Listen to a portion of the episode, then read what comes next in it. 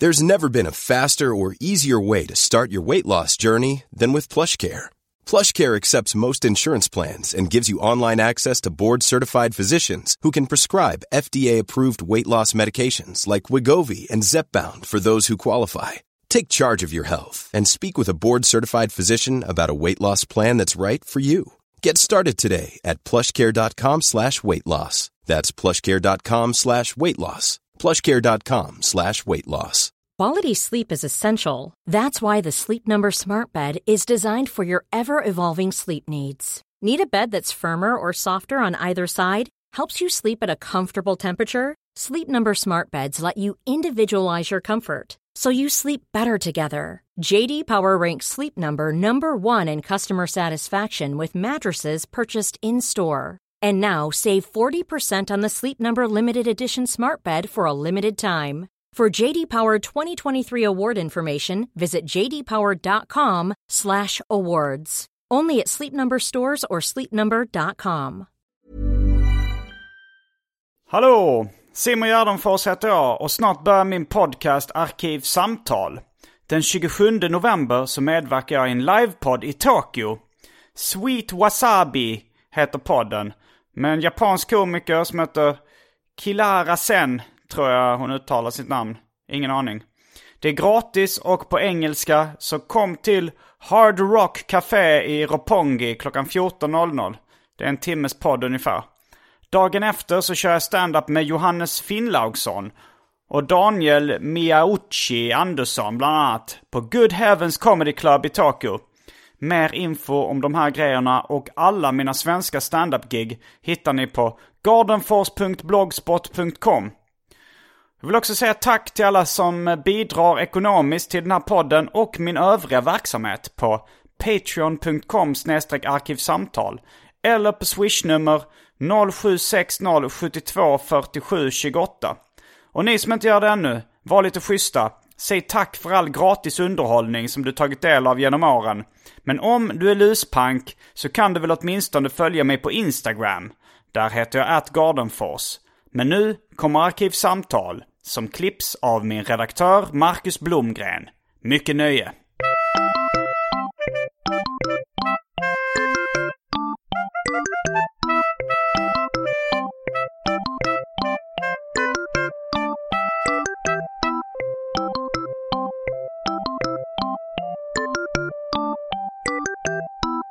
Hej och välkomna till Arkivsamtal. Jag heter Simon Gärdenfors och mitt emot mig sitter Fredrik af Trampe. Det stämmer alldeles utmärkt det. Kanske mest känd i poddvärlden för en äh, återkommande gäst i podden Snedtänkt. Ja, just det. Jag har varit med en, vad blir det? Sju gånger tror jag, något sånt där. Har du rekordet? Är det jag och David Nessle, Okay. eh, serietecknare i Göteborg och allmän rolighetskille som delar på det där. Jag tror vi har varit med ungefär lika många gånger. Ja, numera så snor jag inte bara Snedtänkts koncept utan även Snedtänkts mest återkommande gäst. Eller dem. Ja, men det, det, det känns jättebra. Det känns jättekul att vara med här i vad jag tycker är Sveriges ibland bästa podd. Det är jätteskoj. Nej, men jag, jag börjar med teman lite på samma sätt eh, som Snedtänkt hade för ett tag sedan.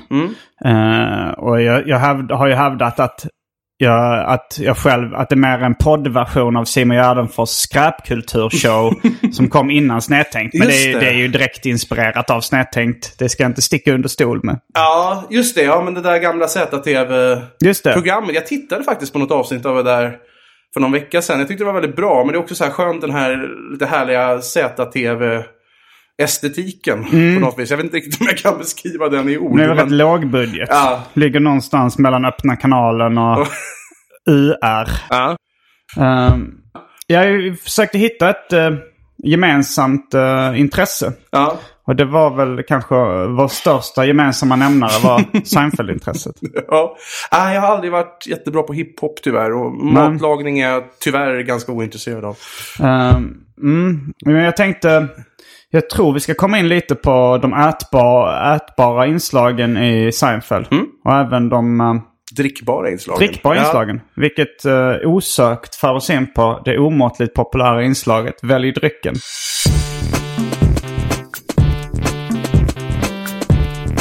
Jag tror vi börjar med det fasta inslaget Välj drycken!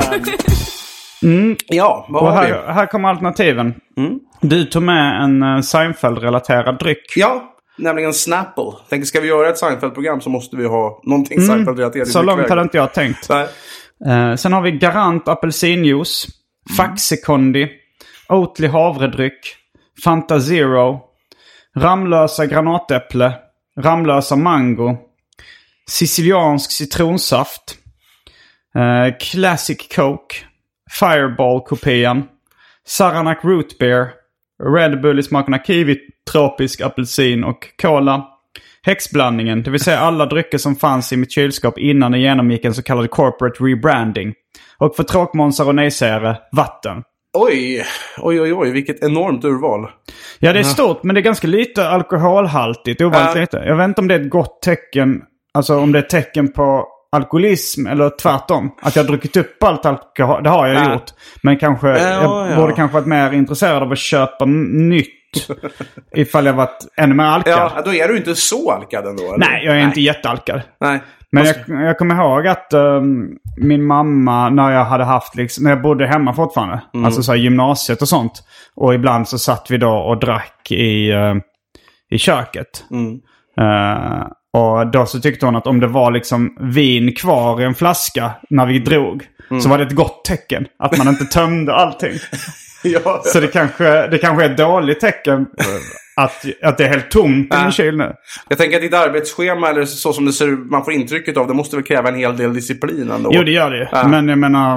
eh, Å andra du- sidan känner jag arbetsnarkomaner som är jätteproduktiva och som också dricker alldeles för mycket. Så, Ja, du har väl... eh, jag, jag tänker att ganska många av de kulturpersonligheter i historien du har studerat Mm. som har varit mest produktiva har också varit väldigt, väldigt alkade. Ja, gud ja. Jag vet inte Det är återkommande. riktigt. Um, Det, ja, men de lyckas ofta separera det där. Att, eller, vissa skriver ju under rusets inverkan, men vissa var ju mer liksom väldigt extremt disciplinerade. Jag vet att en sån som Björn Afzelius var väl känd, han kunde supa vem fan som helst under bordet. Men när han skrev drack han aldrig och innan han gick på scen drack han aldrig. Sen kunde det bli liksom hektoliter med sprit efteråt.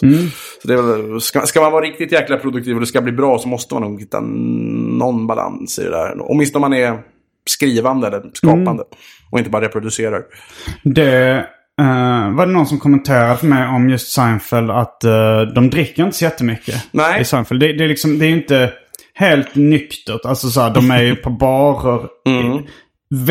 Någon gång då och då så är det någon scen i en bar. Men, men det verkar, alltså jag har ju läst både då Jerry Seinfelds uh, biografin om honom och eh, jag läste eh, Pretty Pretty Good, boken om eh, Larry David och, och liksom Seinfeldia som är en tv-serien. Så man har ju jag har fått en del inblick i privatliven också. Ja. Och var- Seinfeld är väl nykterist mer eller mindre? Ja, ja, jag kanske mer eller mindre. Det, jag tror att han så här, dricker väldigt sällan. Men han inte är nykterist. Okej. Nej. Eh, För det var annars, kommer jag ihåg, en snackis bland journalisterna. Han var här. Det måste varit precis efter att de hade lagt ner showen där 98. Så gjorde han ju en världsturné och då var han i Stockholm och spelade. Eh, och eh, då var det någon journalist som ju skulle fråga om han var laddad inför showen och frågade Are you loaded for the show? lite, lite som när Stefan Edberg någon gång fick den här frågan om vad hans pappa gjorde. Hans pappa var kriminalpolis och han svarade he's a criminal. Det är också sådär. Det var underbart. Eh, Men det, det drogs ju stora väktar på att nej, men Seinfeld var ju helnykterist att han eventuellt blev lite kränkt av den frågan. Men det kan, så kanske det inte är då. nej, jag, jag Fortfarande tror... bra story. Ja, det är det. Eh, jag hade hoppat lite på att det skulle finnas Rapskate IPA, för den har jag blivit väldigt nyfiken på här genom ja, den är slut. Ah, fan också. Eh, men jag tror att jag tar, du hade någon Ramlösa med smak, eller hur var det? Mm, det finns i smakerna granatäpple och det finns i smaken mango. Ja, men då testar jag granatäpple. Det blir jättebra. Okej, och tänkte då tar ta? jag Snapple. Ja, ja, men gör det. Då är vi strax tillbaks med dryckerna. Kända från det omåttligt populära inslaget Välj drycken. Häng med!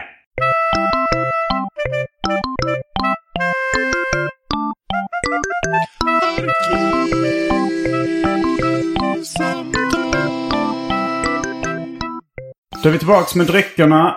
Kända från det omåttligt populära inslaget Välj drycken. Jag ska informera om att uh, Snapple-varianten den är av märket Lemonade. Eller smaken Lemonade. Ja, jag, jag funderade på att ta grönt te faktiskt. Mest, men det, mest för att jag tyckte att det verkade så väldigt äckligt. Mm, det, jag är inte så stort fan av grönt te trots att jag är japanofil eller vad man säger. Eh, men just uh, lemonad är också lite arkivsamtal-relaterat. Eh, Mm. om man ska göra en väldigt lyxig Hawaii Gay Club så Just skulle det. man kunna köra Snapple-lemonad. Vad är det nu i Hawaii Gay Club?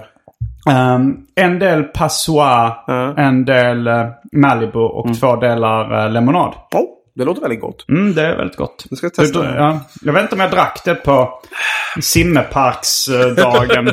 Ja, just det. du var ju med på simmeparksfirandet Ja, i, i simmeparken. Det var inte jag som hamnade i ambulans, kan, ska, Nej. ska dock tilläggas för att undvika ryktesspridning här. Nej, men jo, men just det. Då drack jag ju upp den i hejdrycken-sammanhang. Berömda... Sa du hejdrycken? Hejdrycken heter det inte. Är rätt roligt. Hejdrycken! Välj- Jag tänker på Hej Matematik. Eller? Ja, eller något konstigt fanzin från 80-talet. Hej drycken! Dryckesfanzin eh, från, från Göteborg. Nej men, uh, när, ja, men just jag hyfsade den där berömda Gundelspriten. Den var ungefär så där äcklig som den har, har beskrivits. Smakar spya redan på vägen ner. Ja. är den inofficiella taglinen. Just det. Hur smakade Snapple? Ja men den var god. Ehm, eh, jag skulle nog säga att den var lite tunn i smaken. Om man jämf- Mhm. Jag skulle nog föredra, om man ska köpa lemonad så tycker jag nog Brämhults är bättre. Okej. Men eh, den är ändå god. Jag gillar Snapple. Mm. Och eh, det, har, det har aldrig riktigt slagit i Sverige så stort. Liksom. Nej, det har väl varit det väl en ganska svår dryck att få tag i tror jag. Det finns inte så många. Jag var inne i American Food Store. Okej, de, jag ja. finns nej, kan, jag tror de har säkert gjort försök med liksom Pressbyrå, 7-Eleven Jaha, eh, ja, distribution Ja. Men eh, ja, men det, man förknippar det mer med USA. Det är ju en annan sån här grej med Seinfeld som gäller ganska mycket sån här amerikansk kultur som man konsumerade på den tiden. Förr i världen. Mm. Eh, Du menar medan Seinfeld uh, Medan sändes? på, ja, på, på SVT där under slutet av 90-talet. det går 00-talet. inga repriser ens på någon liksom, svensk kanal nu eller? Vet jag inte. Det, är, kan, ja, men det gör det väl säkert. Det är på Mm. TV3 ett tag tror jag. Eh, ganska sent på kvällen. Jo, men de, de, de rullar säkert någonstans. Men då var det ju att det var mycket svårare att få tag i, i produkter som var med i tv-serier och filmer man tyckte om. Ja. Jag kommer ihåg att jag såg den här pokerfilmen Rounders med Matt Damon. Eh, där John Malkovich spelar en sån här hysteriskt överdriven eh, rysk mafioso. Som pratar så här, Mr. Samovey Beach, let's play some cards och sånt där. och han, han har liksom det här att han har en sån här tell som de har i pokersammanhang. Att Liksom de gör någon liten grej som visar vilket drag de gör eller vad de har på handen.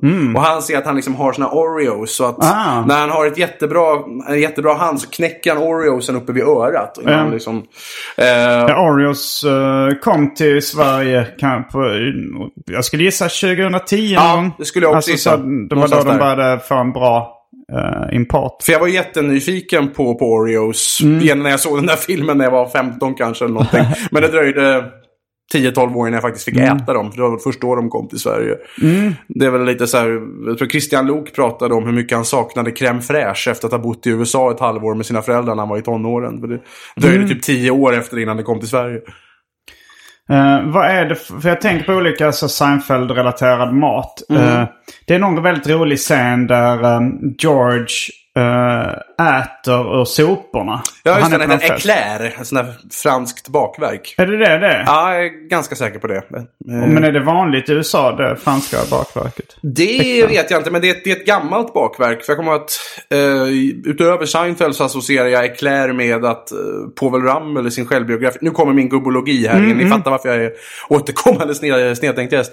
Eh, att han i sin självbiografi nämner att han började äta, han skolkade från högstadiet var det väl och gick istället på något fik där uppe på Östermalm och åt eclairs. Och att han sa, jag, jag såg det som en revolt. I själva verket la det grunden till min vuxenfetma. Eh, så det var, och det, och det, när var det? Det måste ha varit på 30-talet någon gång. Så det, det är ett bakverk som har funnits med rätt länge ändå. Men du läste ju också nyligen boken Seinfeldia. Mm. Eh, en bok då om, med den lite pretentiösa underrubriken How a show about nothing changed everything. Ja, just det. Eh, men där, jag läste ut den för en halvtimme sedan. Eh, jag, har, jag har sugit på den i fyra månader. det, det blir så sällan jag läser nu för tiden. Ja, jag, jag läser en hel del, men jag har jättesvårt att läsa skönlitteratur. Eh, så Och du där- räknar det här som skönlitteratur? Nej, det gör jag inte. Så den här, den här sveptes ner direkt. Men alltid när jag går till biblioteket och tänker att nu ska jag låna en fyra böcker som jag ska läsa på en månad. Då blir det liksom alltid Men tre får med- faktaböcker och en skönlitterär. Och så sveper jag de faktaböckerna i ett nafs och skönlitterärboken blir liggande. Men får med när vi snackade om att göra den här podden för väldigt länge sedan. Ja. Då skaffade du boken. Ja. Och sen så ganska nyligen när vi sa nu, så sa jag nu är jag snart klar med den. Så sa du så här, ja men då åker boken med på semestern. Mm. Ja, då läste jag om den. Va? Har du läst den två gånger? Ja. Okej. ja, men vi började prata om den här podden. i- Nu är det november. Vi började Mm. snacka om den kanske i ju- juni, maj någon gång. Hur snabbt läser du en sån bok på 500 sidor ungefär som den var? Uh, fort. Men jag är, där, jag är, är journalist och jag är van att jag jobbar, jag har jobbat mest som researcher när jag är journalist. Ehm, och då är jag ju van att liksom ta in ganska stora faktamassor. Och det där har ju lett till att jag mer skummar typ allt jag läser. Att jag liksom scannar av sidan istället för att läsa Jaha. ord för ord. Ehm, så en sån där bok tar jag väl, den kanske tog en tre, fyra dagar. Okej. Ehm, Och jag, var ju led, jag, var jag var på semestern å andra sidan, Ja. Mm. så det, var väl, det underlättade väl. Ehm, men jo, jag, jag läser ganska snabbt, men jag missar nog en del också. Jag får, ibland får jag, vänta nu har jag missat någon bit i den här historien. Ja, då får jag gå tillbaka Mm. en sida istället för att jag har det där sättet att, att läsa på. Det har blivit någon sorts yrkesskada, antar jag. Mm. Nej men där i slutet, eftersom jag läste det så nyligen så stod det någonting om uh, Sign Foods. Det var någon, någon som gjorde eh, liksom... eh, hade en hemsida om, eller när de, hon gjorde nog konst eller något Jaha. liknande med, med Seinfeld-mat. Men där var det någonting, jag tror det hette Bear Claws. Ja, är inte det de typ donuts? Eller här, Ja, men för det var en sån You're the bear claw on the top of my garbage can. Då tänkte jag, är det det som är vad han åt då för, från soporna? Det kanske det var, ja. Mm. Nu, nu ska jag säga mina... Nu får jag skämmas här. Jag Mm. kan inte direkt svara på alla de här frågorna. Nej, men det, det är ju uppenbarligen en referens till det. Så det, men det, Ja. det, det, är väl, det är väl ungefär i samma Men det härad. finns en, någon form av donut som heter bear claw. Ja, återigen nu är det bara popkulturellt för att uh, The Log Lady i Twin Peaks säger att I, I want a bear claw eller något sånt där. Och så är det översätts det att ha en donut eller en munk eller vad det är. Aha, okej. Så det är bara där, därifrån jag kopplar. Det kanske, kanske mycket väl är en eklär. Vad nu en eklär är. Det här får väl någon i eftersnacksgruppen Ja. gå in och, och fylla i. Det blev väldigt smalt, väldigt snabbt det här att vi kom in på... Nej, inte mig emot. Inte mig emot. Jag tycker bara det är roligt. Andra Det- bakverk är ju då... Det är sånt här jag lever och andas, vet du. chocolate babka och cinnamon babka finns ett avsnitt som är Just någon det. slags... Det är nog judiskt gissar jag på. Ja. Eh, något eh, bröd eller någon, någon eh, liksom... The Marble Rye får vi ju inte heller glömma. Nej. Som är en sån här fantastisk, för att det, det är så kul där att Jerry Seinfeld, som ju då spelar sig själv i, jag vet inte, nu har- vi liksom inte presenterat Seinfeld som show. Vi får bara utgå från att folk Ja. har något sån här koll. De får googla annars. Ja, vi, vi, vi backar bandet sen. Det här, det här är liksom höjdpunkten. och sen, så, sen backar man. Men hur började allting? Ja, precis. Det här är liksom eh, i Petra dokumentären. Hon säger en kvinna hittades död. Och sen så backar de bandet. Och vi visste ju att hon skulle aldrig försvinna utan att säga något till oss i familjen. Så när man förstod att hon var borta då anade man ju vad som hade hänt. Ja. ja, eh, nej men eh, Seinfeld spelar ju sig själv i showen och han är ju inte världens bästa skådis. Även om, som han själv har sagt, att hur skulle jag kunna misslyckas med att spela mig själv? Ingen skulle komma och säga att jag inte var trovärdig i rollen som Jerry Seinfeld. Men, och men när han ska göra de här stora dramatiska ögonblicken så... Syftar vet- du på någon Marble Rye nu när han ska skära Ja, precis. bröd? precis. Att han ska, sno, han ska sno en Marble Rye av en gammal tant. Och, det, och sliter åt sig och hon börjar skrika. Och han bara Shut up you old hag! Och sen springer han därifrån gan, ganska stolpigt. Och det är ett sånt där fantastiskt tillfälle där jag tycker att det faktum att han inte är någon jättebra skådis faktiskt gör det roligare. Det är lite bryta Ja. fjärde väggen. Men det, jag tycker det blir också lite extra roligt. Jo, jag tycker också Ja. efter ett tag lär man sig uppskatta det. Men det, gör- men det kanske är, alltså, det kanske är någon sån Stockholmssyndrom. Att man, att man även liksom uppskattar, eh, ja men som en misshandlad eh, kvinna som älskar sin man ännu mer. Ja, jo, men det är klart. Om man inte gillar Seinfeld så stöter det säkert bort. Ja, jag tror man det. att det är... Ja, för det blir nästan så att man även börjar, börjar tycka om de negativa sakerna. Ja. Liksom de, de Ja. uppenbart dåliga grejerna. Att sån man gillar. wabi-sabi-filosofi. Att man de små imperfektionerna får en bara att tycka om det ännu mer. Vad är wabi-sabi? Wabi-sabi, ja det är du som ska kunna Asien. Men det, Mm. nej, men det är någon, någon form av asiatisk filosofi som, om jag har förstått det rätt, jag kan inte det här jättebra, så går det typ ut på att man ska gillas, imperfektioner ska man tolerera och att det är de som ofta bidrar på något sätt. Mm. Ja men det Eh, stämmer ju. Om ja. man liksom lyssnar, när musik och sånt blir för perfekt så är Ja. det inte lika intressant som Nej. när man hör vissa skavanker och, och sånt där. Eh, ja, nej men jag tycker det är väldigt roligt. Jag har också... eh, en, en liksom smal matreferens i, eh, i Seinfeld som jag testade. Jag var på en, en judisk diner i LA. eh, där de serverade kasha. Okej, vad är det det- för något? Ja, det var ju någon slags uh, grötlik grej. Jag tror- Pölsa typ? Nej, jag tror det var nog gjort på något spannmål. Eh, men, men jag åt något som hette, tror jag, kasha kanishka. Som var då med pasta. Det, det var inte speciellt gott, det var rätt tråkigt. Det låter inte... Grötpasta låter verkligen inte... Ja, nej, det, men det var nog rätt liksom fattigmansmat. Men, Det eh, låter lite som min... När jag hade mina allra fattigaste år som frilansare så hade jag en livrätt som hette fläskyoghurt som jag hade uppfunnit själv. Det var att jag köpte så här skitbilligt fläskkött på netto. Ja. Så här färdigstuvade gruv, grytbitar som inte kostar någonting. Och så stekte jag dem och så blandade jag det med turkisk yoghurt. Det var liksom min... Det, det, det är fruktansvärt äckligt. det låter äckligare än kasha. Ja, det, det, var, det var riktigt jävla äckligt. Bara nu när jag pratar om det så får jag rysningar och kan... Hur i helsike kunde jag? Vad gör man inte för konsten? Alldeles uppenbarligen. Fan vad jag har lidit ändå.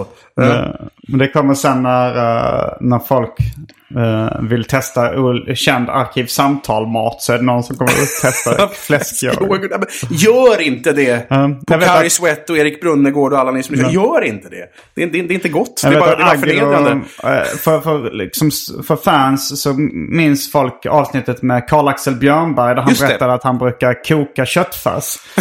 Jag vet att Agro testade det efter att ha lyssnat på det avsnittet. Och det var nog så äckligt som man kunde tänka sig. Honom såg jag som buktalare när jag var liten. Björnberg på, ute på Haga i Fjärilshuset där. Han brukade uppträda där. Han var ju väldigt Ja. lik, alltså den unge Karl-Axel Björnberg. Mm. Nu är han nog 85 ska jag gissa på. Men eh, den unga liksom 65-åriga Karl-Axel Björnberg. han var väldigt lik Larry David. Det fin- stämmer. Ja, det har inte jag tänkt på. Men när du säger det, det är ja, väldigt lik. Det faktiskt. finns något eh, på YouTube kan man se då när han har uh, buktalar med apan Jocko. Just det, det det inför jag barn. Ja. Då, då är han eh, väldigt lik Larry David. Det var någon uh, komikerkollega som sa det krävs ett minimum av fantasi för att eh, komma på namnet Jocko till en, till en apa. Han var där lite lat. Kunde han ha tagit någonting lite mer originellt. Han har en jävla bra röst för övrigt. I, Ja. i, I likhet med Larry David. Han, Eh, gjorde, ja. han var um, berättarrösten i när vi gjorde den första specialisterna-sitcomen på, på radio, på P3. Sorgligt bortglömd. Väldigt, väldigt bra. Mm, specialisterna i P3. Mm. Och då var det faktiskt ett, eh, ett av de avsnitten som handlade om eh, att jag hade en apa som hette Jocko. En positivhalarapa. Eh, och det var ju då taget efter Karl-Axel Björnbergs apa Jocko. Eh, ja, den finns eh, som bonusavsnitt i specialisterna podcast-feeden. Aha, Och även på specialisterna humor YouTube-kanalen om ni är nyfikna på att lyssna på specialisternas första sitcom i radioformat. Ja, nej, den, den var jätte, jättebra tyckte jag. Mm. Men Kasha i alla fall, det, eh, det är de multipla sidospåren nu som bara...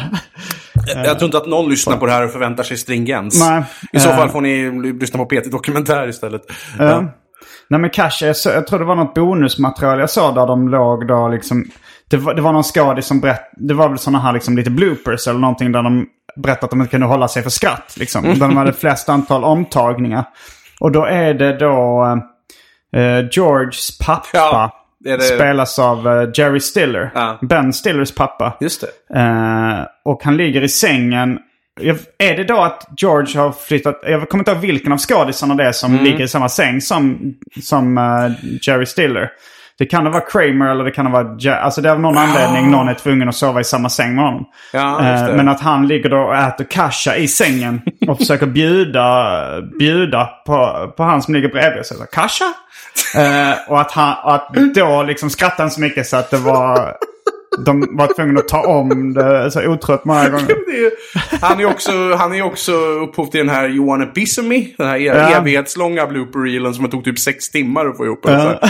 Men det är ett roligt ord, kasha. Ja. Det, det finns väl någon scen i, vad heter den nu då? Fyra nyanser av brunt, Killinggängets långfilm. Där det finns en låtsasklok dansk som heter Perikles. Jag tror att det här är bara i tv-versionen, men att han går runt i ett rum med, med sin tjej och det är lite tyst och sådär. Och så får han syn på en skål och tar upp den, en skål med nötter och lyfter upp mot henne. Cashew? Mm. man vill slå sig själv för att man är så lättroad att man tycker att det är jätteroligt. Ja. Perikles, jag tänker på Storm P's teckning på, är det Tuborg-burken? ja, just det. Vegang. Ja, den, han har någon form av eh, vagabond som heter Perikles på Just det. det mest danska namn han, kan, han kunde komma Mm, på. Ja. Mm, men då, då när vi har uh, kastat oss in direkt på höjdpunkterna, då ska vi backa bandet. Och kanske du, uh, stringentens herre, stringensens Ja, mästare. mästare. Oh ja. Du, kan, Nestor. du, kan få, du kan få ta på dig det att uh, berätta lite bakgrund. Ja, jag föddes alltså i Vaxholm 1984. och nej men... Eh, det är ju så kul med Seinfeld för man har ju sett så många projekt genom åren som har fallerat och även liksom folks folks kärleksrelationer och mina egna relationer där man har sett hur folk har träffat varandra vid precis fel tidpunkt. De hade kunnat bli ihop om de hade träffats ett år tidigare eller ett år senare. Det är ju så jävla mycket som ska klaffa för att någonting ska funka. Och när man tittar på Seinfelds bakgrundshistoria så blir man ju liksom så frustrerad för att det finns så här tio tillfällen typ när det bara var nära att läggas ner eller att ingen riktigt ville. Ja. Och det, till och med det första var väl att NBC kontaktade ståuppkomikern Jerry Seinfeld som väl då var lite halvkänd i alla fall. Han hade varit Han var en av, Show. Och... eh, en, av, s- land, alltså en av USAs största standup-komiker Ja. eh, under den perioden. Och han, det här var i slutet av 80-talet, han var Mm. typ 35. Och de säger att vi skulle vilja göra en show med dig. Och han, eh, du, får, du får komma på möte. Och han är mest irriterad över att behöva gå på ett möte på eftermiddagen. För han blev ju komiker för att inte behöva jobba på ordinarie arbetstider. Mm. Ja, och när han väl kommer det. dit så säger han bara att Nej, men, ja, ja, min dröm var ju bara att hamna i det här och kom, bli kallad på ett sånt här möte. Jag har egentligen inga idéer. Mm. Men att han sen då teamade upp med den lite mer obskyra comedians comedian Larry David som han kände sen gammalt. Ja. Eh, som ju var, men Jerry Seinfeld får man intrycket av oerhört liksom hårt arbetande, professionell, strukturerad och jäkligt rolig och lättillgänglig medans Larry David var ju, ja men just en komikers komiker. En sån där som gick runt på scen och mumlade lite ibland, jag blev lite grann och ibland kunde bli vansinnig och skrika Fuck you, I don't need this och kasta micken och gå av. Det var väl Jason Alexanders första riktiga upplevelse av honom. Ja, och Larry han kunde titta på publiken Mm. och säga nej jag skulle inte tro det och så gav. Han tyckte inte det kändes rätt. Liksom.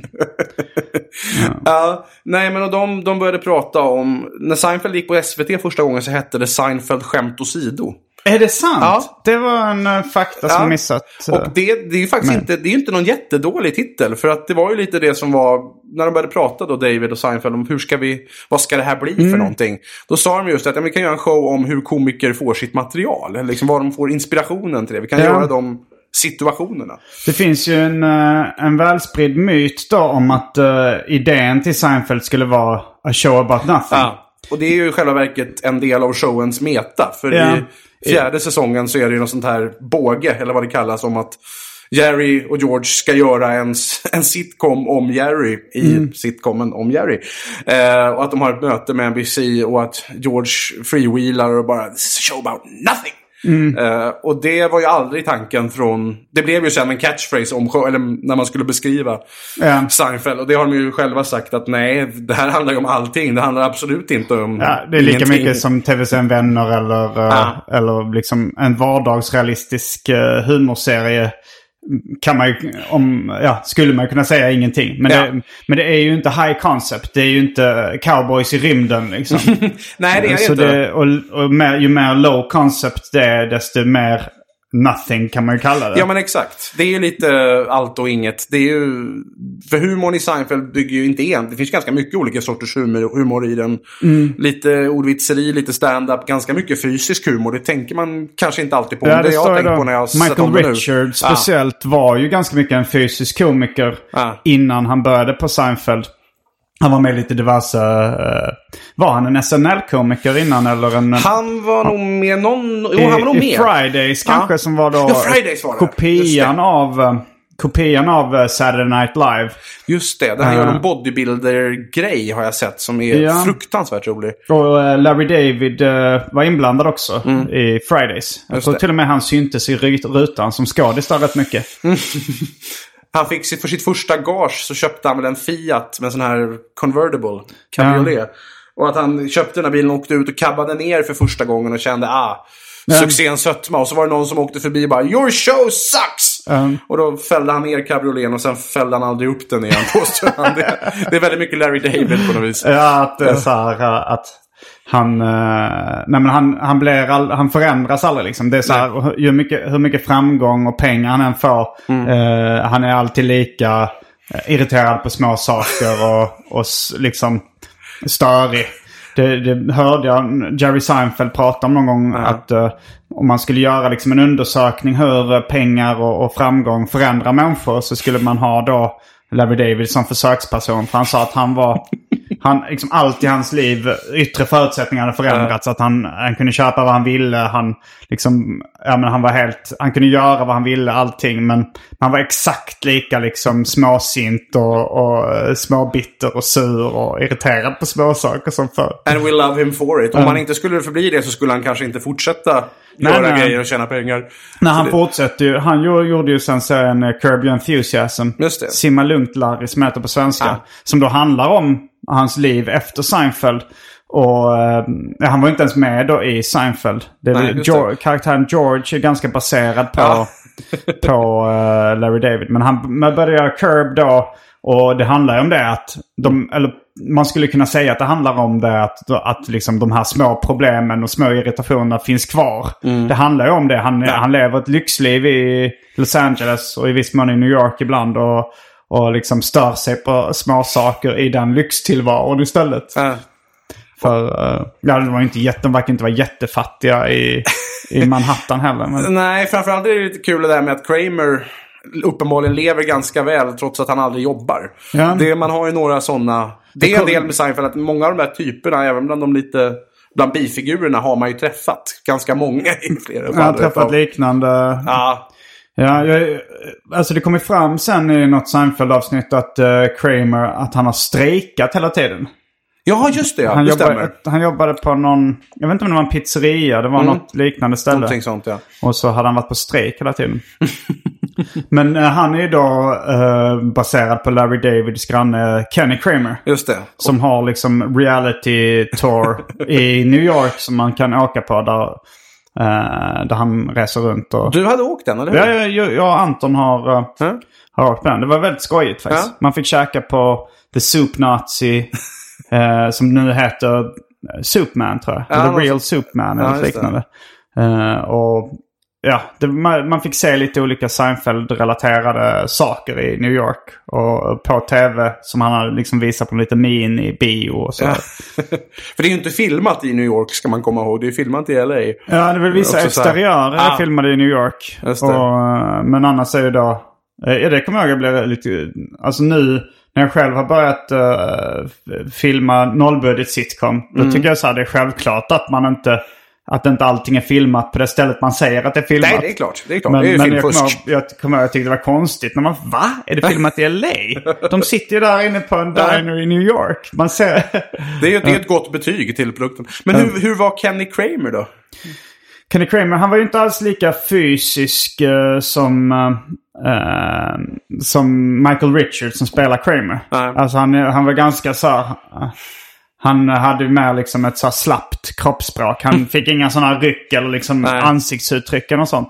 Och eh, han var liksom lite mer eh, en övervintrad hippie Ja. såg han ut som. Men han var libertarian. Ja. Han hade till och med sprungit för ett kontor som vi så skämtsamt det. brukar säga. Han har försökt bli mayor i New York. Och att Eller- det var typ samtidigt som 9-11 eller någonting. Ja att- just det. ja. Ja. Att för, för att han, han fick, han gav väl upp då liksom. För Mm. det var väl lite skämtsamt hans kampanj. Eh, men sen så när 9-11. Då ville ingen skämta längre. Nej, det var, folk var inte lika upplagda för skämt. When you're ready to pop the question, the last thing you want to do is second guess the ring. At Bluenile.com, you can design a one of a kind ring with the ease and convenience of shopping online. Choose your diamond and setting. When you find the one, you'll get it delivered right to your door. Go to Bluenile.com and use promo code LISTEN to get $50 off your purchase of $500 or more. That's code LISTEN at Bluenile.com for $50 off your purchase. Bluenile.com code LISTEN. Quality sleep is essential. That's why the Sleep Number Smart Bed is designed for your ever evolving sleep needs. Need a bed that's firmer or softer on either side? helps you sleep at a comfortable temperature, Sleep Number smart beds let you individualize your comfort so you sleep better together. JD Power ranks Sleep Number number 1 in customer satisfaction with mattresses purchased in-store. And now save 40% on the Sleep Number limited edition smart bed for a limited time. For JD Power 2023 award information, visit jdpower.com/awards. Only at Sleep Number stores or sleepnumber.com. This is Paige, the co-host of Giggly Squad, and I want to tell you about a company that I've been loving, Olive and June. Olive and June gives you everything that you need for a salon quality manicure in one box. And if you break it down, it really comes out to $2 a manicure, which is absolutely insane. It's also so easy to get salon worthy nails at home with Olive and June. The difference between how your nails used to look when you did them yourself and now with the Manny system is a complete game changer. The best thing about Olive and June too is it's a quick dry, dries in about one minute, lasts for five days, and full coverage in up to one to two coats. Visit oliveandjune.com slash perfect manny 20 for 20% off your first system. That's oliveandjune.com slash perfect manny 20 for 20% off your first system. Har du förresten läst det här um, uh, spec-scriptet om Seinfelds uh, under 9-11? Nej.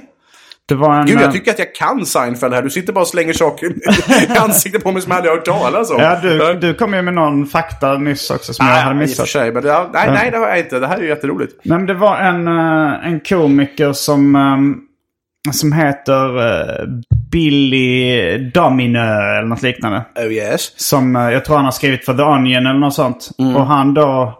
Eh, han, han fick ett uppdrag av någon, någon som sa så här liksom, han skulle skriva något annat manus. Ja. Och så sa de, ja vad ska tonen vara i det? Och då hade någon sagt så här att, ja men tänk ungefär om, om det hade funnits ett eh, 9-11 avsnitt av Seinfeld. Och då blev han mycket mer sugen på att skriva ett 9-11 avsnitt av Seinfeld. Och gjorde det. Okej. Och, och la upp det på Google Docs. Och det, det spred sig rätt mycket bland uh, Seinfeld-fans. Och vad handlar det om då? Eh, ja, men det, det handlar då om ehm, eh, att men det, det, det, är så, det, det är upplagt som, ehm, eh, som ett riktigt Seinfeld-avsnitt. Det är olika trådar som vävs ihop. Ja. Och det är liksom ändå är att, eh, att Kramer säger så här. Do you remember Crazy Mo from my old job? Crazy Mo? Och då är det så här. eh, he was always complaining about the United States. Och I, was like. Don't just complain, do something! Nej, nej, nej, nej. Nej, nej, nej. Det är ju en av trådarna i det. Och Crazy Mo visar sig heta Mohammed ja. Ja, såklart, såklart. Fan vad bra. Ja, det är ett Fan, vad roligt smaklöst. uh, script. Gud vad eh, ljuvligt. Gud Eller vad manus.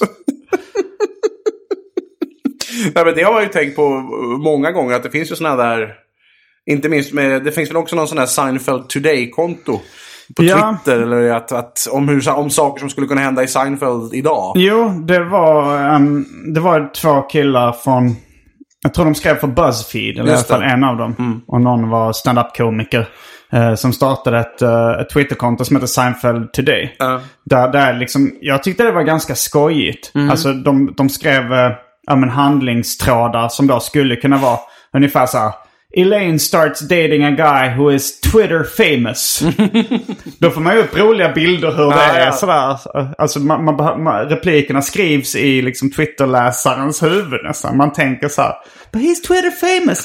He got no friends. He's the loneliest guy in the world. Man tänker, jag får upp sådana Ja, ja, liksom men det, manus. det, det är ju inarbetat. Gud. ja. Eh, och, och liknande sådana liksom, ja men det handlar mycket om eh, sociala medier och modern teknik och liksom nya populärkulturella referenser. Så skrev de bara sådana korta trådar då. Ehm, och sen, eh, eh, sen, var det, sen startades parodikonto på Seinfeld eh, Today. Som heter Seinfeld 2000, Current Seinfeld. Som var, som var, det var någon, det var någon liksom också någon tv-producent eller något liknande som störde sig på då. För han tyckte så här, men de här... För det, för det här Seinfeld Today blev ett riktigt stort fenomen. Så det liksom blev till och med en backlash på det. Att folk började irritera sig. De här är inte lika roliga som Jerry Seinfeld och Larry David. Så de startade det här liksom parodikontot som också blev ganska stort. Där, där där liksom var skrivet på så här, som att den liksom lätt funktion, psykiskt funktionsvarierad skulle göra en parodi på Seinfeld. Det var så, och liksom i modern tid. Att det första tweetet var så här, eh, Jerry starts using internet and Elaine also starts using internet. Det är alltså metahumor Ja, ja. på metahumor på en show som innehåller jättemycket metahumor. jo, verkligen. Det är som en lök. Ja. Eh, så det, jo, det gick ju verkligen i den andan. Ja, för jag, den enda gången jag typ att jag har tänkt att det här är verkligen en Seinfeld-ögonblick i mitt liv, det var när jag hamnade i den där hetska diskussionen om hur sent på kvällen man får skicka sms. Det här var för typ tio år sedan. För jag hade som vana att jag vaknade, vaknade aldrig av mina sms-pip. Så jag var ju sån som skickade sms till folk klockan två på natten och tänkte att de, det, det vaknar inte de heller av. Så läser de det när de vaknar på morgonen sen. Men det fick jag ju höra sen att det fick man absolut, att de vaknade absolut. Och någon var så här, man får inte skicka sms efter klockan tio. Det vet ju alla. Eh, på den tiden var man ju tvungen att ha telefonljudet på om man skulle använda telefonen som väckarklocka. Det behöver man ju inte idag. Nej. Så idag har det väl lite förändrats. Men då var jag tänkte, gud det här är ju ett Seinfeld-avsnitt. Ja. Eh, liksom George eller Kramer skulle kunna hamna i en diskussion om det här. Och Det faktum att någon av dem skickar ett sms sent på natten skulle kunna ställa till en katastrof. Eller att någon stänger av ljudet för att inte få ett sms sent på natten och därmed missa någonting viktigt. Ja, verkligen. Ja, jag stänger av ljudet. Ja, ja, men idag stänger alla av ljudet. Men det, det gjorde man inte 2006. Nej, inte alla. Det, det är också, jag har ofta lite diskussioner och haft det med många flickvänner jag har haft.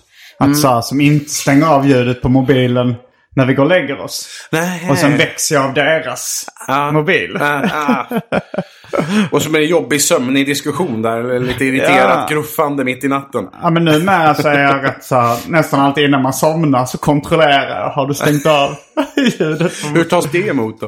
Eh, med en viss irritation Äh, oftast. äh. Folk tycker att jag är eh, lite jobbig.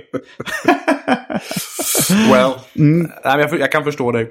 Men, eh, men just det här att... eh, för, för just när Seinfeld Today-kontot på Twitter var som störst så, så liksom uh, uttalade sig. Det var någon liksom, i någon intervju med Larry David.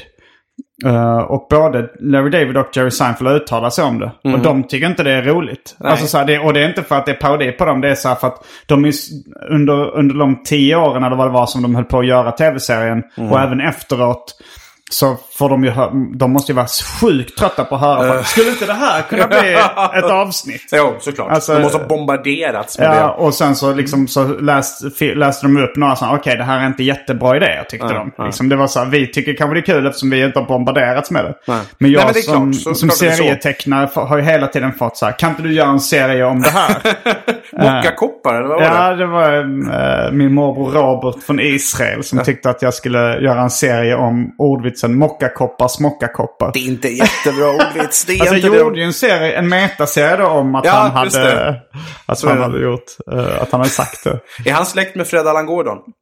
Eh, ja, det är Fred Ang- Gordon är hans kusin. Jaha, okej. Mm. Ja, ja, det är så det hänger ihop. Ja. Ja. Mm. Ja, det, det, ja, det börjar bli ett, ett, uh, ett arkivsamtal-universum på något sätt också. ja, ja, fan mig. för mig att um, Det kanske, det kanske man kan göra ett snedtänkt om en vacker dag. David Liljemark, eh, han, eh, han påstod, eh, eh, han sa någon gång ja, att han hade blivit någon form av Kramer-karaktär i Arkivsamtal. Alltså kanske den mest excentriska som uh, Men, men säger du det? Ja. Inte jätteförvånad. Han är emot livsnjutande, eller hur är det? Han har ett förakt mot njutning, hävdar jag. Ja, men han är värmlänning och socialist. Hur många värmländska socialister som är livsnjutare känner man på en skala? Nej, just det. Jag måste tänka efter. Eh, ja, nej, jag kommer inte på någon. Nej. Okej, hur, hur gick det för din eh, introduktion av... kom, kom, blev du klar med det här? Du började med en liten introduktion. Ja, just det. För jag började med en introduktion för en halvtimme sedan. Ja. Var var vi någonstans? Nej, men vi var att de liksom skulle göra den här showen om... Mm. Som skulle handla om var komiker får sitt material ifrån. Eh, och det, Mm. Det var, var även någon gång de bara sa... eh, men vad handlar det om? Hade de fått frågan på tv-bolaget? De sa Just two guys talking. Ja. Det var också en... Och conversation hade de använt också någon gång för att beskriva det. Och det var ju, tv-bolaget undrade lite, Mm. vad fan håller ni på med? Men de lät dem ändå göra det. De lät Mm. dem ändå göra den där piloten, för det kostade väl inte så, så fruktansvärt mycket. Eh, och den är ju kanske inte, när man ser den nu, det är ju inte det roligaste Seinfeld-avsnittet som har gjorts. Men det finns ju liksom, grundkornen finns ju där och det här unika tilltalet, det här analyserandet av smådetaljer är ju ganska skarpt redan från början skulle jag vilja mena. Sen utvecklas ju serien. Det blir fler och fler trådar i varje avsnitt som sen mer och mer knyts ihop. Och den blir mer och mer mångfacetterad. Men de har ganska mycket av det där tilltalet i början. Ja. Även om det liksom, de måste jobba fram slipningen av det. Jo, säga. just det. Det var eh, Larry Davids då idé att de skulle knyta ihop alla Mm. trådarna. Men det, han var inte först med det utan det tror jag han fick från en, en, en tv-serie som heter Sergeant Bilko. Ah, som han det. var ett fan av. Eh, men man, det kanske är svårt att se idag liksom. Vad, för liksom när Seinfeld kom. Jag, Ja. jag fattar inte det då att den tog en lite ny riktning inom Nej. sitcom. För sen så kom ju till exempel Vänner och andra tv-serier som var inspirerade av Seinfeld. Och som nu har liksom mer satt standarden för hur en sitcom är. Ja. Och då tänker man att Seinfeld mer är en sitcom i mängden. Men, men när den kom så var den ganska originell. Och den, den var lite mer liksom, det var smalare humor, det var lite mer urban humor.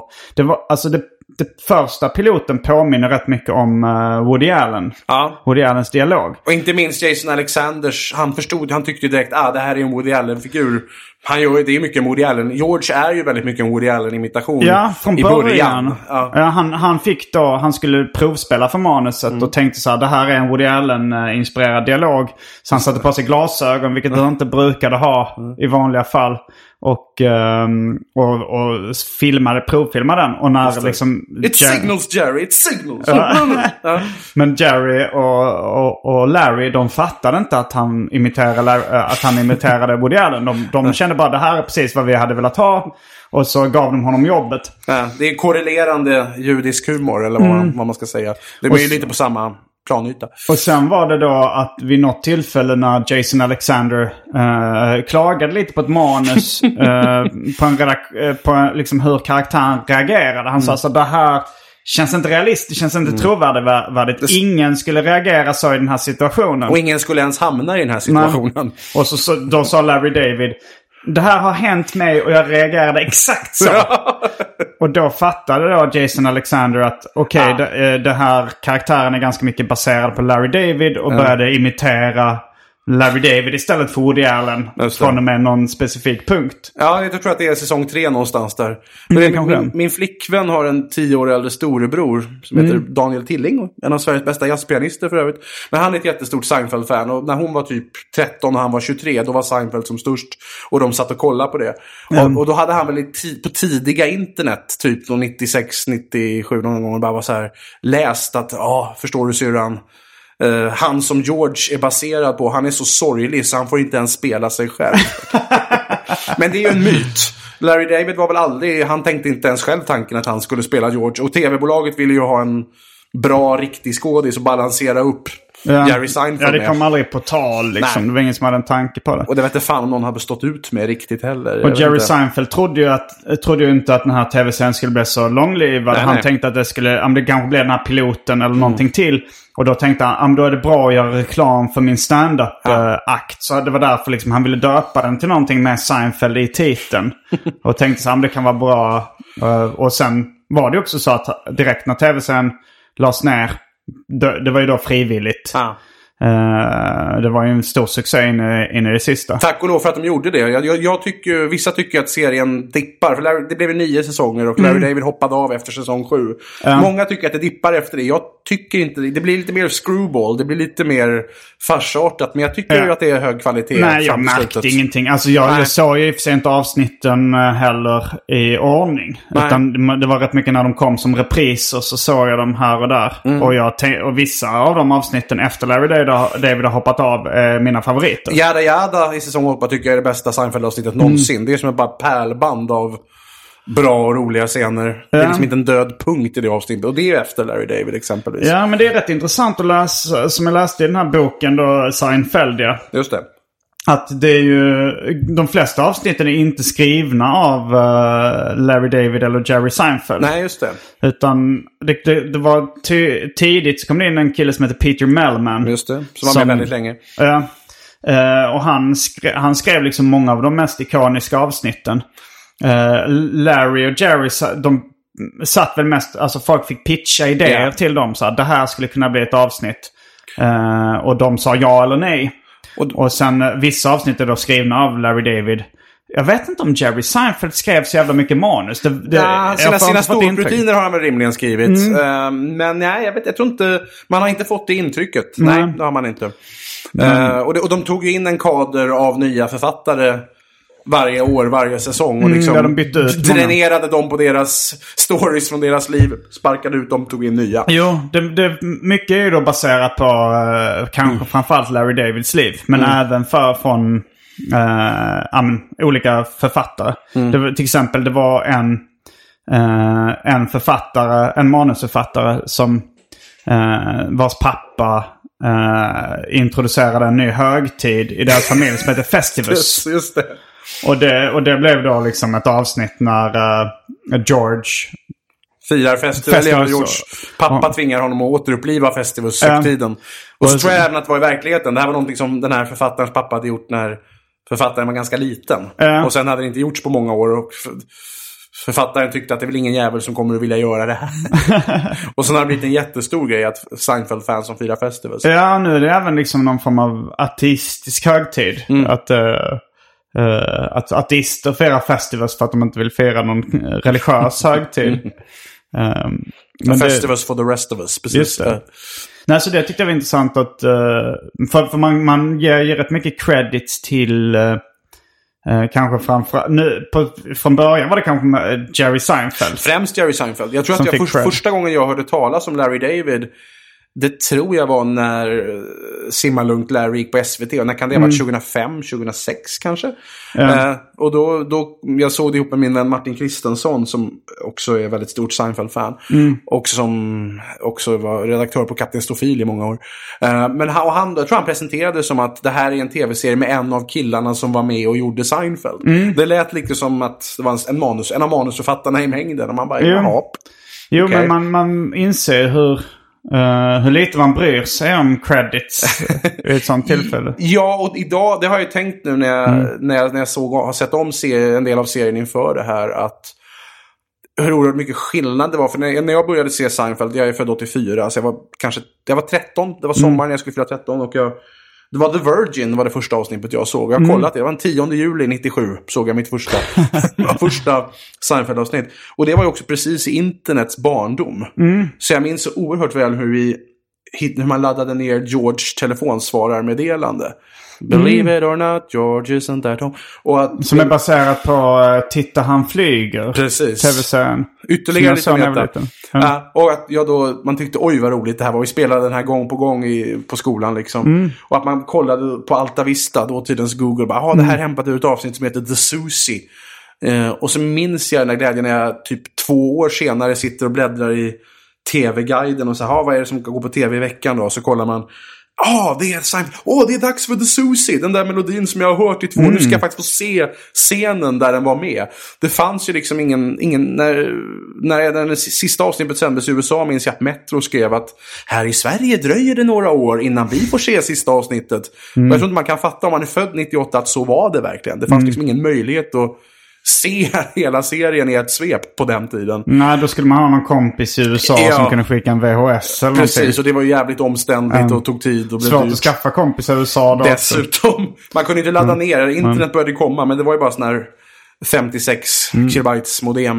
Eh, men numera också, tänk på numera när jag ser en tv-serie som jag tycker är bra, det kanske bara är jag, men då går man in och googlar den. Eller Wikipedia, åh, vad, vem är det som har gjort den här? Och idag hade man ju haft örnkoll på Ja, vem du och jag David kanske hade gjort det. Men, Ja, kanske men, inte alla äh, andra. äh. men jag tyckte inte Seinfeld var speciellt kul när jag såg det första gången. När såg du det första gången då? Alltså det måste ha bara varit så här Jag tror jag bodde säkert i Hjärup och såg det på tv liksom när det gick. Och var, var rätt ointresserad av det. Och, eh, men, men såg det kanske ändå för man kollade. Som de säger i liksom metaavsnittet när de pitchar Jerry. Så sa It's a show about nothing. Och så säger tv-producenten But so why am I watching it? Because it's on TV! Ja, så exakt så var det för mig. jag tyckte det var bra men jag såg det ibland för att det var på tv. Liksom. Och i Sverige var det ju ännu mer så än i USA. De, och hade man, inte, hade man inte parabol så hade man ju bara två kanaler, eller tre kanaler med fyra Mm. där. Ja. Men sen värmdes jag upp till det. Eh, Min storebrorsa blev först ett fan och så mm, hade jag ganska lite att göra på dagarna. så jag liksom såg det med honom och hans kompisar. Och sen efter ett tag bara, fan jag gillar det. Liksom, Mm. Ja, men det- det, det tog ju lite tag att fasas in i, i koderna eller Ja. i hur det funkar. Ehm, jag var 13-14 år. Jag, jag föll ganska hårt, ganska fort. Ehm, men det, var, det kom ju mycket sånt där. För jag var ju humornörd. Jag är en sån där som växte upp med Povel Ramel och Hasse och Tage. Så jag är inbiten humornörd sen jag var, sen jag var ganska liten. Ehm, och då hade man liksom först haft Killinggänget med Nile City och allt det här som var så knasigt. Som kändes som någonting så jäkla oerhört nytt och fränt och häftigt. Jag hade i och för sig, mina föräldrar tyckte att det var kul. Så jag hade inte den där dimensionen av att det här tycker inte mina föräldrar är roligt. Nej. Alltså tycker jag att det är lite extra roligt. Men just Seinfeld kändes ju, det var lite samma anda. Och även Knesset som vi nämnde tidigare, där man dissekerade småsaker. Idag är det som du säger, det är så standard. Alltså inte bara i i sitcoms, utan liksom, i poddar som det här. Att du och jag sitter och bryter ner, bryter ner Seinfeld. Ja. Det är bara ytterligare ett litet metalager här. Men då var det, kändes det så oerhört nytt. Att, Ja, det tyckte Ja. Jag, upptäckte det ganska mycket med Tarantino. Mm, på 90-talet. Alltså att jag, jag blev väldigt imponerad av samma just våg det. lite. Eh, Att de kunde gå på en buss och, och liksom di diskutera nej, men detaljer som inte förde handlingen framåt. Ah. Och, och Kevin Smith plockar upp det också i sina filmer. Just det, De kunde Clerks sitta och där, prata ja. om Star Wars liksom. Och det handlar inte om det. Vilka som jobbade med att bygga Dödsstjärnan och hur synd det var om dem. Vilket sen eh, George Lucas har sagt Ja, i, något, i någon liksom Ja. DVD-spår. så här, här har du ditt svar Kevin Smith. eh, vem bara- som byggde det. Och det är bara en massa termiter, så det var inte alls synd om dem eller något sånt där. Just det. Ja, jo, men det, jag, den såg, jag såg faktiskt om Pulp Fiction i somras. Mm. eh, För första gången på väldigt många år. Jag tyckte den stod sig. Jag tyckte den stod sig fruktansvärt bra. Den Mm. är, det är ju, det är som någon sa att på, om man kollar på sådana här memorable quotes på IMDB så ligger det typ hela manuset som memorable quotes. Mm. Men det som jag tyckte var så kul med just, just det där med var ju att de pratar om hur hemskt det är med majonnäs på pommes frites. Och det tyckte man ju då lät jätteäckligt. Sen har man ju sett att det är ju jättegott. Mm. Ja, det är gott. Ja, fattar inte hur de tänker. Men jag tror just när, på 90-talet när liksom just eh, både Seinfeld, Nile City och eh, eh, Tarantino var som störst. Då var jag liksom eh, en väldigt, uh, kanske rätt jobbig tonåring. som var så, hade så otroligt mycket liksom coolhetskomplex. Ja. Att jag ville bara gilla grejer som ingen annan gillade. gillade. Nej, så därför bestämde jag mig för att hata Nile City. Eh, jag gav inte Seinfeld en chans för det var sånt som liksom mina klasskompisar tyckte var kul. och, och jag kommer ihåg att när, min, när, liksom, när Pulp Fiction kom så var det så här. Okej, jag ska se den, men jag vill verkligen inte gilla den. Men sen tyckte jag den var jättebra. Och Okej då, jag tycker den är bra. Den är bra. Jag måste fan applådera dig för det där med att du vägrade se Nile City. Det måste ha lett till, du måste ha blivit helt jävla utfryst. Det gick ju inte att prata om någonting annat än Nile City på den tiden. Nej, det är hårt. Fan, du är, du är dogmatisk. Ish. Ja, ja, men nu har jag lite mer avslappnat förhållande. Jag kan gilla saker som andra tycker om också. Ja. Ja, men det, Men jag funderar på det med, för jag kommer ihåg sen när jag väl blev ett Seinfeld-fan så blev Mm. jag liksom mer och mer. Och sen till slut så upptäckte jag fan nu är jag ett av de största Seinfeld-fanen jag känner. Liksom. Mm. Att jag blev mer fan än min storebrorsa och, och andra.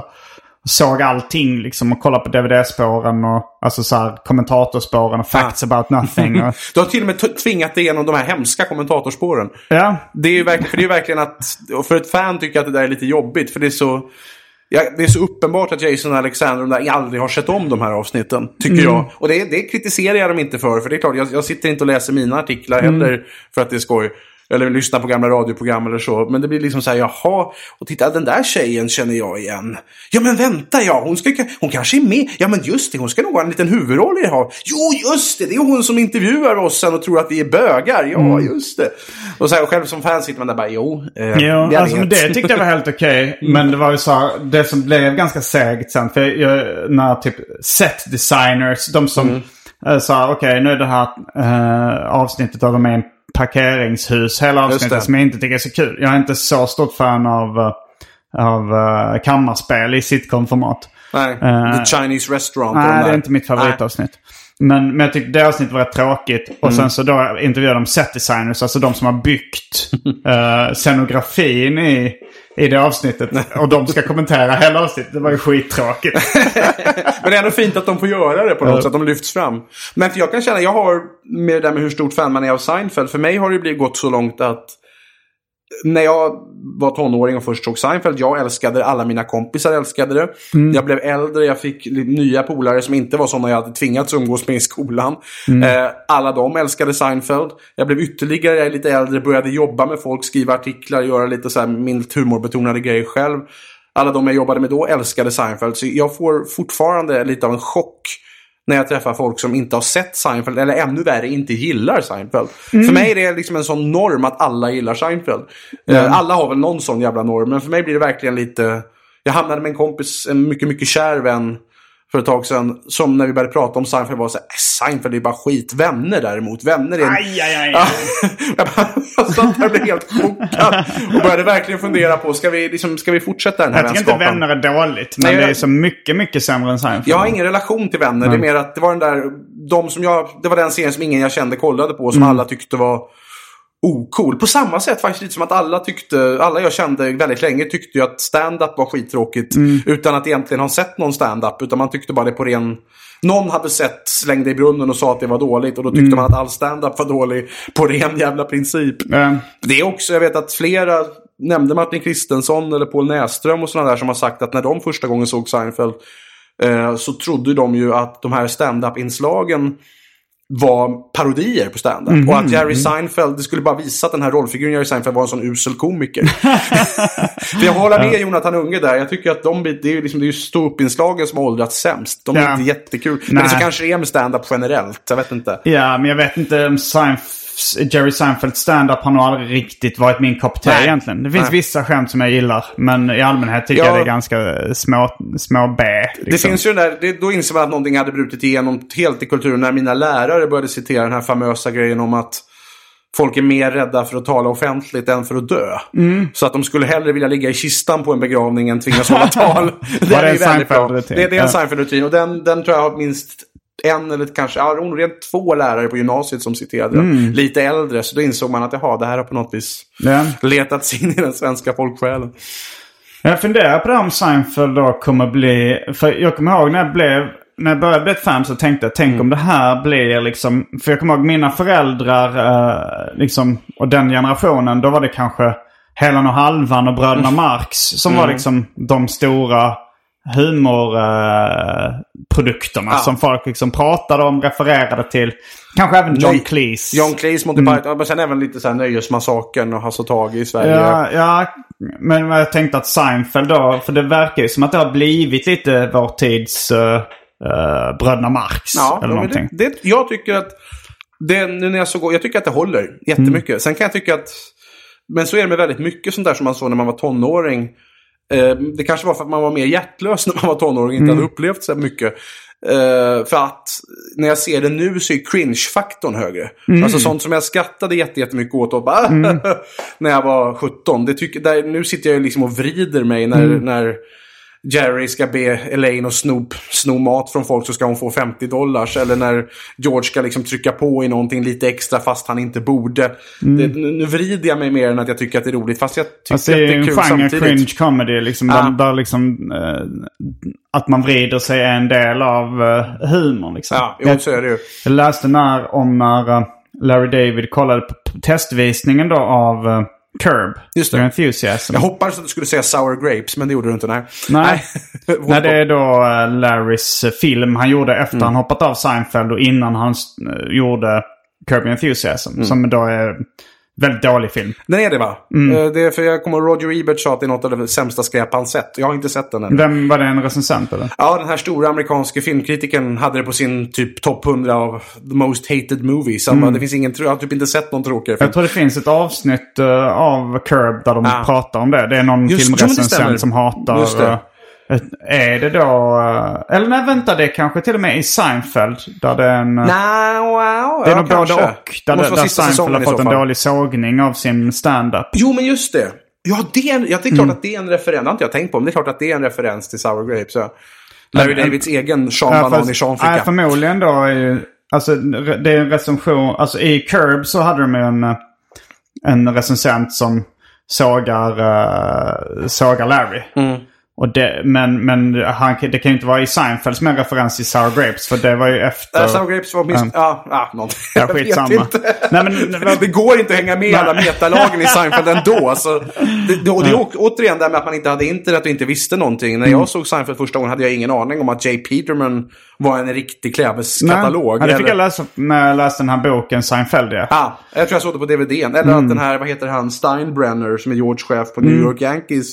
Var ju också chef Okej. på New York Yankees på den tiden. Och rösten där gjordes av Larry, Larry David, David, vilket ja. var hans enda skådisinsats i tv-serien. Han nej, gjorde- nej, han, han spelar en man med en mantel Han också. spelar George Costanzas pappas advokat som har mantel. Ja. Det är fruktansvärt märkligt Ja, något, det. det finns något tv-program där uh, Jerry ser någon sci-fi eh, film också där eh, Larry är med. Och så är han lite röster också lite Mm. här och var. Jag såg just Chinese Restaurant såg jag om häromdagen och då hörde man ju det att jaha, det där var Larry David som hördes från restaurangen.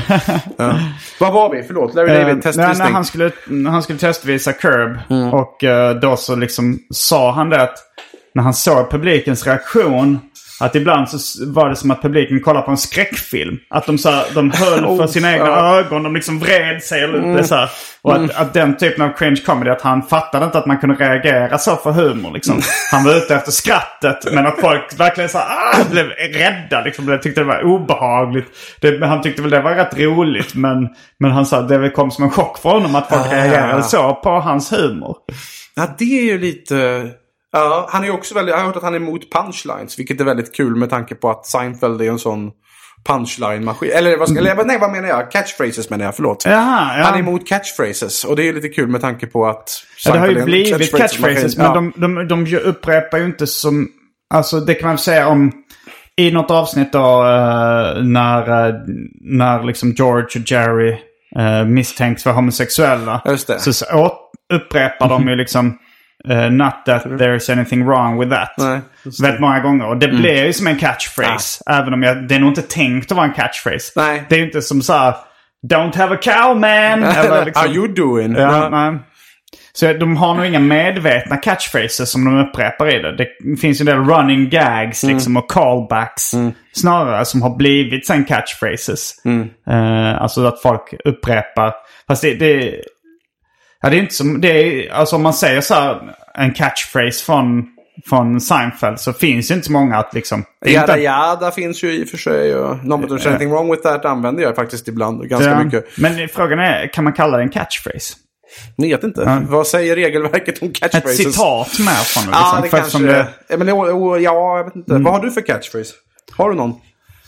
Eh, ja, uh, vi avslutar ofta med en catchphrase. Alltså det är ju rätt mycket i Arkivsamtal. Ja, finns det rätt mycket det. olika catchphrases. Uh, alltså, he- ja, de, de, de grejerna jag upprepar. är ju- Ja, just med bäddrycken och sånt där. Ja, ja. Med, men om jag säger så här. Alla drycker som fanns i min kyl innan vi genomgick en så kallad corporate rebranding. Nej men jag, jag har ju jättemycket catchphrases. Det, det finns... eh, det fanns till och med någon som gjorde ett så här parodikonto eh, på mig på Twitter. Där Mm. det bara upprepar olika catchphrases. Då kan du i stort sett lägga ner efter det. Man kan, man kan liksom inte... Det var lite som när jag för något år sedan, jag fick Lasse Åbergs självbiografi av mina föräldrar i julklapp. Och jag har ju så här växt upp med Disney Time var väl typ min första riktiga så här stora nördupplevelse. Jag, tror jag, jag trodde att alla vuxna var sådär. Att de liksom gick runt och pratade om gamla filmare, filmtecknare på Disney och liknande. Och så får jag den här biografin och börjar bläddra i den och så ser jag att han citerar en bok jag har skrivit. Med mitt namn. Och, liksom, och då blev jag så här... ah, men vad fan, nu kan jag vara nöjd med mitt liv. liksom, Ja. Min nördguru, den som har liksom citerat Ja. mig. Det är lite, ja. Ja, det är väl... ehm, alltså jag har träffat de flesta av mina liksom, största idoler. Mm. Alltså jag- både Robert Crumb och eh, Chris Ware. Och lite folk. Men jag har inte träffat Larry David eller Jerry Seinfeld ännu. Det hade, jag vet inte om det hade varit speciellt kul. Det kanske hade varit kul att checka av det på någon, någon Ja, slags bucket list. På men, det sättet, men det, det kan ju vara men det hade nog inte blivit en rolig farligt. upplevelse. Det kan vara jättefarligt. Jag har en polare som var jättestor fan av den engelske filmskaparen Lindsay Anderson. Mm. Som gjorde de här filmerna If och Oh Lucky Man och med han från Clockwork Orange. Mm. Malcolm McDowell. Och han, eh, Lindsay Anderson var på någon filmfestival i Uppsala Mm. och min polare gick fram till honom och var så här. Fan jag älskar verkligen dina filmer. Du är liksom min stora idol. Jag, du, jag har sett dina filmer hundra gånger om och jag tycker du är så jävla bra. Mm. Och Lindsay Anderson bara, yeah, and what am I supposed to do about that? och vände sig till sin tjej och sa, I get this all the time. Och så gick de därifrån. Det rätt liksom. Fy fan, fy fan, Ifall- fy fan. Men, men, eh, men hade jag sagt det till Larry David och han hade sagt exakt det. Ja. Jag hade ju gillat det. Ja, ja. då har rätt Det ska "Åh, vara så Larry." typiskt ja, det ska vara det då. Det ska ju vara det. Ja, precis. Bli förolämpad av. Jo, men det är såklart. Mm. Såklart. Och med de orden så avslutar vi veckans avsnitt av Arkivsamtal. Jag heter Simon Gärdenfors. Jag heter Fredrik A. Trampe. Fullbordat samtal. Serenity now!